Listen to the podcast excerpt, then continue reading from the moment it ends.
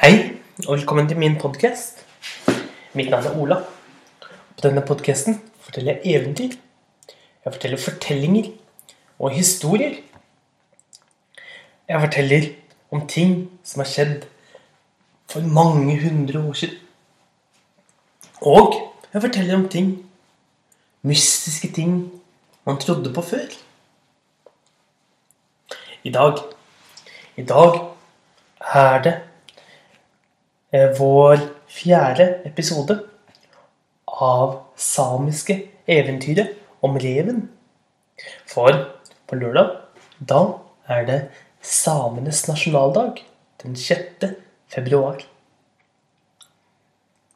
Og vi har jo hørt om hvordan reven har lurt både bjørnen, men også, også samer. Og hvordan han har lurt alle Og nå skal vi høre hvordan han lurer alle de ville dyrene. For alle de ville dyrene hadde hjulpet eleven med å slakte en rein. Men reven hadde ikke lyst til å dele med dem. Så han tok med seg magen og dro ned til elven sammen med en stor stein. Og skulle til å rense den. Med ett så satte han i å rope og hyle og brøle, slik at man skulle tro at det var noen som var på jakt etter ham. Og de andre dyrene hørte at reven ropte så forferdelig at de tenkte nå var det fare på ferde. Nå måtte de rømme. Og bjørnen og ulven og jerven løp av gårde det forteste de kunne. Hvitreven, slangen, øglen og padden ble også livredde og pilte av gårde og ble borte. Så var det bare løyskatten og musen igjen. Men en annen hørte også lyden av reven som brølte. Det var en same. Og det var den samme samen som en gang hadde eid reinsdyrene. Han hadde lett lenge og vel for å finne reven. Og nå sa han Du lurte meg. Det var ikke gull og sølv i den posen. Det var bare beinrester. Jeg sa jo det, sa Mikkel. Du må ikke smugtitte før du hadde reist fem-seks fjell.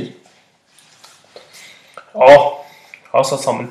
Men hva er det du har gjort med reinsdyrene mine? Har du slaktet reinsdyrene mine?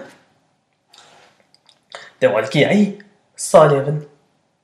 Det var alle de ville dyrene, men jeg har ikke bitt en eneste gang.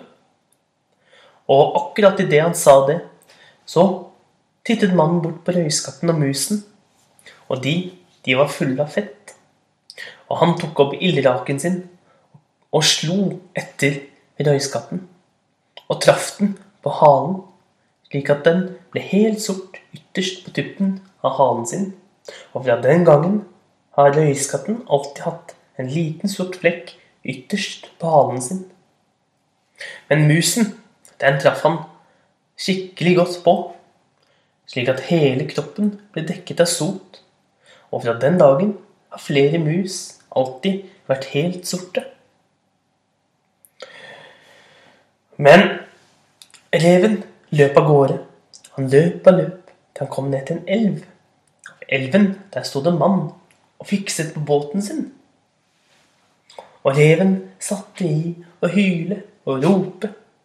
Å, jeg skulle ønske jeg hadde en slik fin båt som jeg kunne jobbe på, sa reven. Vær stille, sa mannen. Men reven fortsatte. Å, jeg skulle ønske jeg hadde en slik fin båt som jeg kunne reparere. Og reven fortsatte slik. Til slutt ble mannen så, så arg at han tok og løftet reven og kastet ham på elven. Men reven svømte inn til en stor stein som lå midt uti vannet. Så satte han i og rope på alle fiskene. Og den første fisken som kom, det var en gjedde. Men Mikkel Rev sa, du har så flat rygg. Deg vil jeg ikke sitte på ryggen til. Og gjedden forsvant. Så gikk det en liten stund, så kom det en lake. Og Mikkel sa, du er altfor slimete. jeg vil ikke sitte på ryggen din. Og vips, så forsvant den også. Og etter enda en stund så kom det en harr. Den hadde mange, mange rugler på kroppen sin. Så derfor sa Mikkel at han ikke ville sitte på ryggen til en pukkelrygg. Så kom abboren, men den var altfor taggete. Uren, den ville ikke reven sitte på. Og ørreten, ikke den heller. Men aller til sist kom det en laks som sa at den kunne hjelpe, hjelpe reven tilbake til land. Det takket reven for. Og de hadde ikke før kommet til land før han tok laksen. Og så tente han opp et bål og begynte å steke fisken. Men rett som han holdt på, så begynte det å sprake. Det kom så mye lyder. Og han tittet rundt, for han trodde det var jegerne som kom, og at det var noen som tråkket på en kvist. Men han så ned på fisken, og så det bare var fisken som sprakte.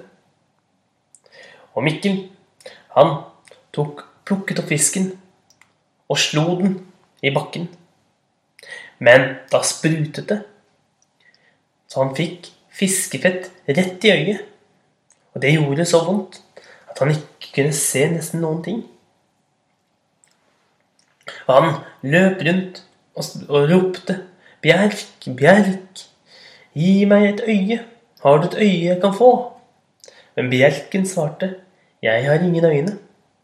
Og reven løp videre og ropte, Furu, Furu, har du et øye jeg kan få? Men furuen sa, jeg har ingen øyne. Og reven løp ned til vannet, og nede ved vannet der svømte det en asp. En asp, det er en karpe. Og han satte i gang med å hyle.